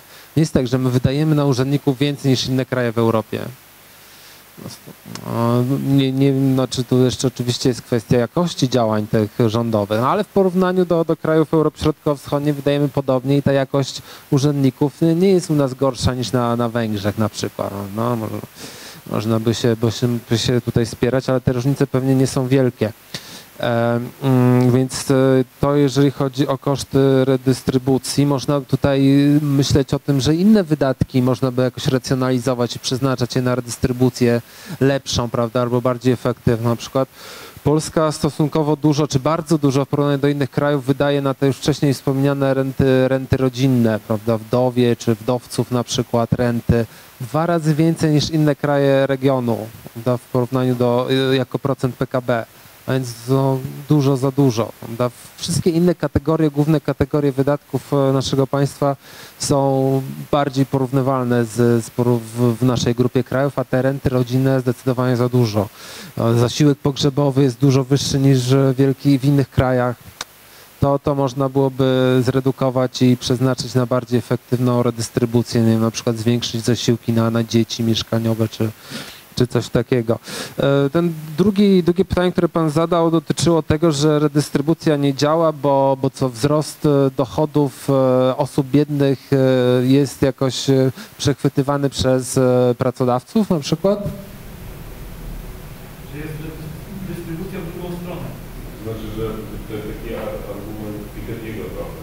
Stopa zwrotu z kapitału niż stopa zwrotu z pracy. Tak, znaczy rosną nierówności. Tak, tak, to w ten w ten sposób mam to rozumieć. E, Rosną nierówności dlatego, że Dlatego, że wzrost efektywności e, pracy nie przekłada się na wzrost e, że przez to, że redystrybuujemy, to, to rośnie... Nie, nie, nie, nie. Przez to, że mamy tak kapitalizm prowadzi do tego, że zwiększone zyski z efektywności pracy trafiają do właścicieli kapitału. kapitału, a nie właścicieli pracy. No jak, jak wszyscy wiemy, albo jeżeli nie, to, to, to jest hipoteza pewna, prawda? Jest tak, że, że to, to pojawia się wiele badań, które e, raczej zdają się no, podważać e, tę tezę. Jest, e, jest ją trudno bardzo zweryfikować, em, że zwrot z kapitału jest większy niż e, tempo wzrostu gospodarczego w bardzo długim okresie. Nie mam tak dobrych danych, które by w bardzo długim okresie potrafiły to e, zweryfikować empirycznie, więc e, mm, nie, ja bym tutaj mm, nie był w stanie na to pytanie e, jednoznacznie odpowiedzieć na razie. Tak, tak, tak, ja wszystko mam zapisane. Jeżeli chodzi o ten system redystrybucyjny w Brazylii, jego ocenę, to, to trzeba byłoby specjalisty od Brazylii czy Ameryki Łacińskiej, ale na pewno jest tak, że te kraje, wie, wiele krajów Ameryki e, Południowej zwłaszcza i Środkowej ten sukces redystrybucyjny odniosły i tam współczynniki nierówności znacząco spadły w ostatnich latach. Prawda? To jest, to jest e, jako, jako duży sukces przedstawiane i niewątpliwie różne programy redystrybucyjne, w tym te programy już wcześniej dyskutowane, transferów warunkowych prawda, do, do biednych gospodarstw domowych, które są warunkowane tym, że dziecko chodzi do szkoły, że przyjmuje szczepienia i tak dalej, i tak dalej, się na pewno do tego e, znacząco przyczyniły, aczkolwiek no, ostatnio jak wiemy, Brazylia jest w poważnym kryzysie, prawda? I ten spadek nierówności został zahamowany. Co to? Mm. Tak.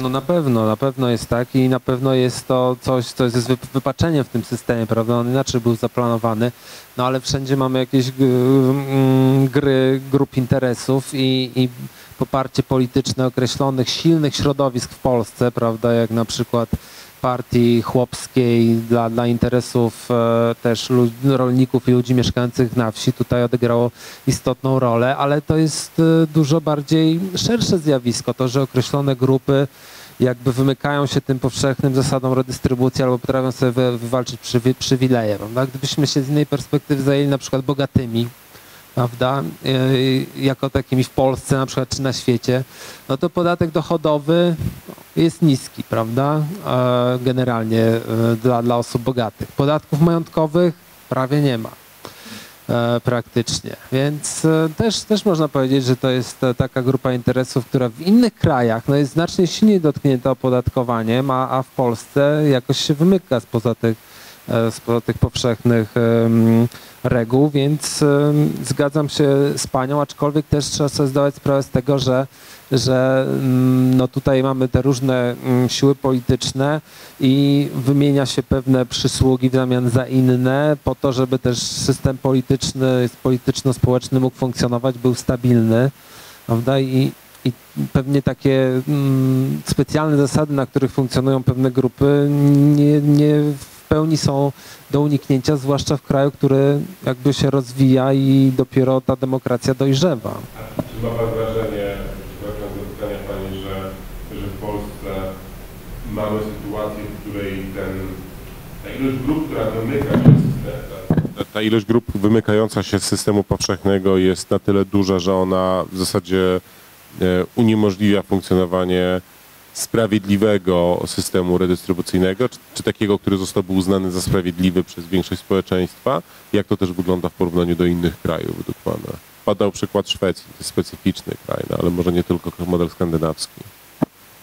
Strasznie trudne pytanie, bo, bo to są bardzo różne grupy interesów i, i, tak stwierdzić na przykład w ogóle praktycznie nie ma też jakichś bardzo dobrych badań w Polsce, które by dotyczyły tej siły grup interesów prawda? ile ich jest, jak one są silne, czy to jest jakoś gorzej niż w innych krajach. No, no więc no to niezwykle trudno powiedzieć. Można powiedzieć w, w przypadku jakichś określonych instytucji redystrybucyjnych albo tych podatkowo-transferowych, czy ta ilość grup interesów, wyjątków od poprzednich zasad się zwiększa. W przypadku systemu emerytalnego to pewnie zapewne tak było, prawda, bo, bo te zasady ogólne wprowadzone pod koniec lat 90. No, były były osłabiane i były robione wyjątki dla, mm, dla wojskowych, prawda, później dla nauczycieli, prawda, więc jeżeli chodzi o ten system, to, to, to zapewne tak, ale jeżeli chodzi o, o, o system podatkowy na przykład jako taki, o podatek PIT, e, no to chyba już e, specjalnie nie. E, aczkolwiek no tutaj na przykład też bardzo trudno zbadać to, jak na przykład bogaci w Polsce się zachowują i jak się e, ma ich płacenie podatków, unikanie, uchylanie się od, od podatkowania. To nie jest zbadane, więc no, niespecjalnie tutaj być może tak jest, że to się nasila, prawda, i że oni coraz mniej płacą tych podatków, ale nie mamy dobrych badań w przeciwieństwie do, do większości krajów zachodnich, no, z różnych powodów, e, większej tam kultury dłuższej ciągłości. W tamtych krajach jest to dobrze zbadane, a u nas jest wielkie pole do badań.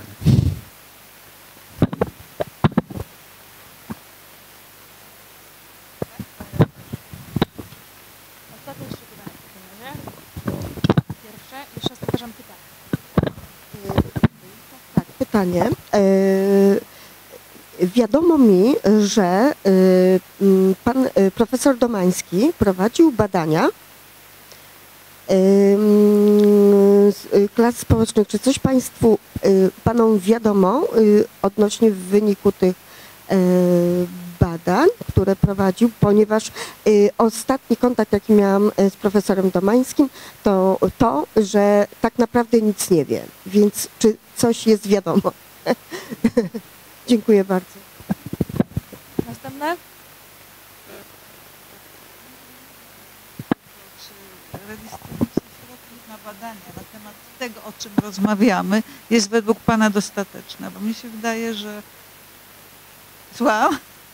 Dystrybucja tak, na badania, ponieważ są to pewne zjawiska, no, moim zdaniem istotne, chociażby dla, podejm dla, dla podejmowania decyzji politycznych. Czy y, macie dostateczną ilość pieniędzy, żeby badać to? To nie jest proste przecież. Ale to ja o tym już nie mówię. Mówię o tym, czy są pieniądze na to, żeby przeprowadzać te badania, żeby była w miarę twarda wiedza, bo ciągle się poruszamy po dość, y, raczej o, po opiniach, odczuciach, a niekoniecznie, nie, nie znam badań. Czyli ostatnie. Dziękuję bardzo. E, Ja mam takie pytanie e, dotyczące uwarunkowań pomocy.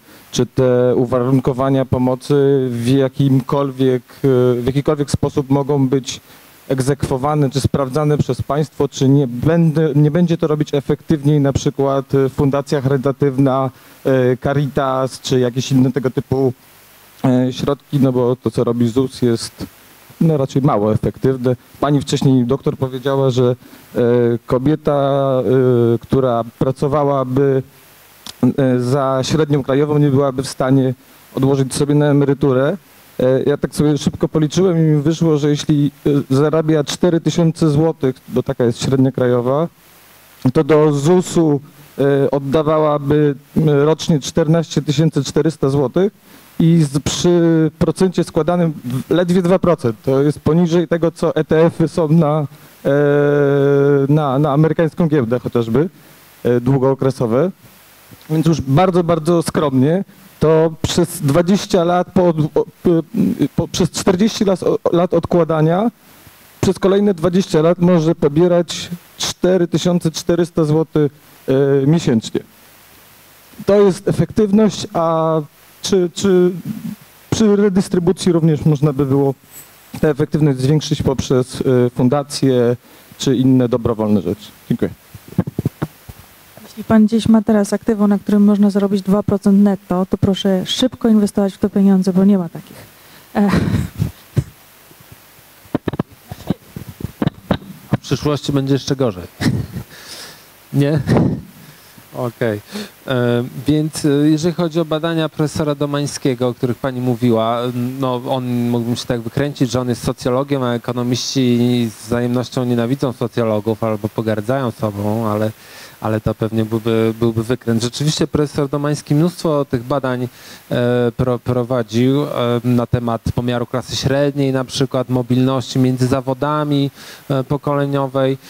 Natomiast na ten temat samej redystrybucji chyba nie. No, są pokrewne zjawiska trochę, prawda? Czy, czy, czy ta mobilność jest, czy też ta klasa średnia istnieje, aczkolwiek one bardziej w takich socjologicznych kategoriach definiuje, przez to jaki zawód jest wykonywany, a nie przez to jakie ma dochody. No, no tutaj ekonomia i socjologia się tak trochę uzupełniają, prawda? Ale też dialog jest bardzo mały, prawda?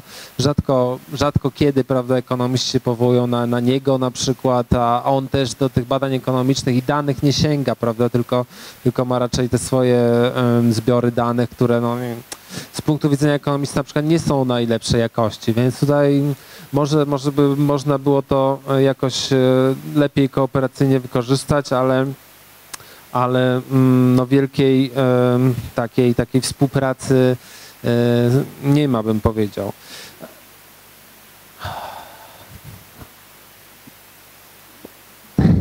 No to jest bardzo, bardzo obszerne pytanie. E, Nie, jest bardzo dużo, ja może tylko powiem, że jest bardzo z mediami również, że jest bardzo dużo danych, dobrych źródeł danych, jest ich coraz więcej porównaniu do tego, co, co było jeszcze tam w socjalizmie czy na początku lat 90. To teraz mamy dane europejskie, które są w ten sam sposób zbierane we wszystkich krajach Unii Europejskiej już od tam kilkunastu lat.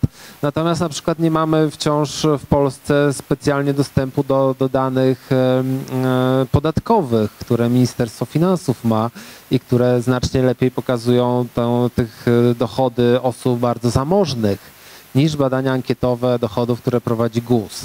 Ale to też się zmienia, już takie pierwsze badania przy wykorzystaniu tych, tych danych ankietowych także dla Polski się, się pokazują i, i pewnie gdy one zostaną opublikowane, to na, na czołówkach różnych e, gazet oraz w programach telewizyjnych Państwo o tym usłyszą, bo być może się okaże, że no, ten poziom nierówności, który w Polsce na podstawie badań ankietowych, które prowadzi GUS obserwujemy, jest, jest wyraźnie większy w rzeczywistości. Jeżeli się te dane podatkowe wykorzysta, to na pewno będzie informacja, która będzie szeroko dyskutowana. E, Jeżeli chodzi o Pani pytanie o te środki e, na badania, no to, to, to jest, jest taka kwestia i popytu i podaży e, na, na te mm, badania. Jest tak jak powiedziałem wcześniej, e, też niewielu badaczy było zainteresowanych tym zagadnieniem. Politycy się tym nie interesowali, e, elity szeroko rozumiane specjalnie przynajmniej nierównością się nie interesowali i badaczy też było niewielu, którzy się tą te, tematyką, nieliczni socjologowie na przykład, profesor Domański, czy jeszcze mniej znane osoby, a spośród ekonomistów naprawdę bardzo niewiele osób. E, Najbardziej znany ekonomista, który się zajmował tą, tą tematyką, zresztą był osobą, czy jest osobą, która ma raczej libertariańskie poglądy i on w ogóle uważał, że że te stopy wszystkiego ubóstwa są przeszacowane i raczej z jego badań wychodziło, że one są w rzeczywistości mniejsze. E, To, to, był, to jest profesor Adam Schulz z SGH. E, No i jest też tak, że po prostu e, mm, niewiele osób uważało to za interesujący temat badawczy. Jeszcze do niedawna na całym świecie nierówności były zapomnianym tematem. Ktoś tam w XIX wieku ktoś o nich pisał, prawda? Ale do, do, do, do lat em, 90. albo jeszcze do początku 2000 też e, ekonomiści na świecie się tym praktycznie nie zajmowali, aż od pewnego momentu wraz z Thomasem Pikettym i innymi tego typu ludźmi stało się to bardzo atrakcyjnym tematem, ale, ale to jest bardzo niedawna e, historia i jak Polsce jeszcze też nie zaobserwowałem tego, żeby jakoś nagle więcej badaczy się tym interesowało. Nie jest to bardzo intratny temat badawczy, nie są to finanse, nie jest to coś też, co, co można bardzo łatwo sprzedać medialnie, jak sądzę. No i większość tych wyników e, badań ekonomicznych też e, nie pokazuje, może z powodu tej ułomności danych, bo nie mamy dostępu bezpośredniego do danych podatkowych, że nierówności w Polsce niezależnie od tego, czy są bardzo, czy, czy średnio wysokie, one nie rosną w ostatnich latach, nawet niektóre badania pokazują, że spadają. No nie jest zbyt interesujący temat. Gdyby eksplodowały, prawda, no to nagle pewnie dużo więcej osób by się tym zainteresowało. Więc środki, środki pewnie są, ale, ale nie jest tak, że, że jest to bardzo popularny temat badawczy. E, i- wyprowadzanie do, do fundacji. E, Pewnie jakieś elementy mogłyby być e, wyprowadzane tego systemu redystrybucyjnego, a, aczkolwiek no, nie jestem pewien e, jakie. No, na przykład przyznawanie zasiłków z pomocy społecznej, czy, czy mogłoby być? Na pewno osoby pracujące w pomocy społecznej mogłyby być prawda, wynajmowane czy przez, przez państwo i to mogłyby być fundacje, no ale system emerytalny, system zbierania podatków, e, system wypłaty zasiłków, no to, to raczej to, to jest, e, wydaje mi się, byłoby bardziej efektywnie zorganizowane przez państwo i tutaj nie widzę dużego pola do tego, żeby ten outsourcing następował. Pan jeszcze, jeszcze tak naprawdę proponował odejście w ogóle od systemu emerytalnego w jakimś sensie, tak? Znaczy zostawienie systemu emerytalnego systemem e, zupełnie prywatnego ubezpieczenia zabezpieczenia przez prywatnych inwestycji. Dobrowolnego czy przymusowego? No to jest, no to jest klasyczny problem taki, że, że oczywiście to tylko niewielka część osób się w ten sposób e, ubezpieczy, a pozostali wszystko skonsumują. I będziemy mieli problem e, związany z tym, z wielkim ubóstwem, prawda, osób starszych. Przymusowy, zupełnie prywatny.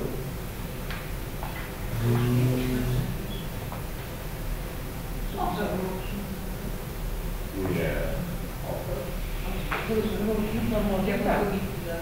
No tak, ale to element.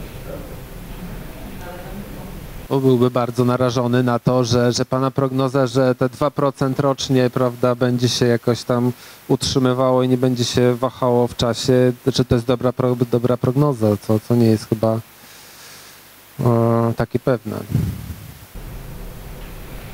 Myślę, że minęło półtorej godziny, więc e, bardzo Państwu dziękujemy za cierpliwość, ale nie chcielibyśmy jej rady zadać. Więc jeżeli jeszcze są jakieś e, dotyczące złożnej sprawy i jak nie, to bardzo proszę. Ja podejdę jeszcze z mikrofonem, a jeśli nie, to proszę e, przyłączcie się Państwo do mnie, żeby podziękować tym panelistom, nie?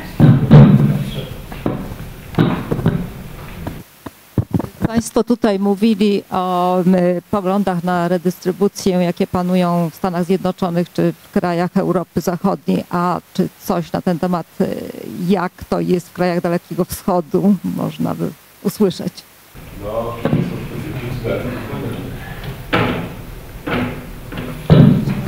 są Dalekiego wschodu, ale w poglądach... E, Nie, rozumiem o systemy panikowe. temat i poglądach ekonomistów, E, tamtejszych. To Chiny nie mają systemu zabezpieczenia. Chiny nie mają systemu zabezpieczenia socjalnego, tak naprawdę rozumianego tego w takim sensie, jak to funkcjonuje w, w Europie I, i dopiero jego elementy są teraz e, wprowadzane w związku z dramatycznymi problemami demograficznymi, znaczy gwałtownie spadającą liczbą e, osób aktywnych zawodowo i bardzo szybko rosnącymi kosztami pracy, ale to jest e, też trochę inny model społeczny, jeżeli chodzi o funkcjonowanie rodziny, plus w Chinach akurat, w największej gospodarce, jesteśmy świadkami eksperymentu społecznego, o którym bardzo rzadko się w Polsce mówi, no ale związanego z dramatycznymi skutkami polityki jednego dziecka, szczególnie w przypadku gwałtownego spadku ilości urodzeń kobiet w w Chinach. No, taka jest prawda, tam doszło do, do swego rodzaju ludobójstwa.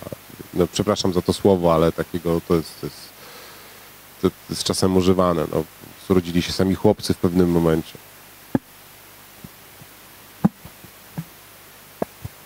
Ko- Ko- Korea też jest. A dobrze, no przepraszam, bo ja zacząłem odpowiadać. odpowiadać. E, Korea i Japonia są trochę innymi e, krajami, Japonia w szczególności, ale i Korea, dlatego że tam jest e, zdecydowanie mm, ten, ten, ten poziom, znaczy tam jest po pierwsze em, problem długości życia, trwałości związków małżeńskich, z którymi Japonia się teraz zmaga i eksperymentów ekonomicznych, które, które obserwujemy. Znaczy polityka japońskiego banku centralnego jest em, w- wyjątkowo e, mm, wyjątkowym sposobem szukania sposobu na poradzenie sobie z takim wyzwaniem demograficznym, które, które funkcjonuje, ale jeżeli chodzi o, o, o sam model opieki społecznej, e, mm, no to ten poziom e, mm, skoku gospodarczego, który nastąpił w krajach Dalekiego Wschodu, tutaj było wspomniany profesor Bożek, czy, czy mówiliśmy teraz o, o Korei, on się wiązał z, z e, mało demokratycznym sposobem e, wyzwolenia rezerw wzrostowych, tak bym powiedział, który nie sprzyjał redystrybucji i przeniósł dużą część kosztów ubezpieczenia społecznego na rodziny. Mają taki system jak ten, który się Państwu nie podobał, czyli kapitałowy. E, Tyle, że aktywność zawodowa i w Japonii, i w Korei jest bardzo długa. W Korei to jest 69 lat. Przeciętnie ludzie zostają na rynku pracy. Japonii e, są takie regiony i takie zawody, w których przeciętna długo, wiek odejścia z rynku pracy to jest 72. E, Uprawnienia emerytalne nabywa się w wieku lat 67 e, i nie wcześniej i tylko jeśli jest 45 lat stażu. Więc to jest bardzo specyficzny kraj i trudno się do niego pod tym względem porównywać, bo ten system zabezpieczenia społecznego jest. jest dość, no nie jest szczodry i jest bardzo silnie warunkowany E, długą aktywnością zawodową.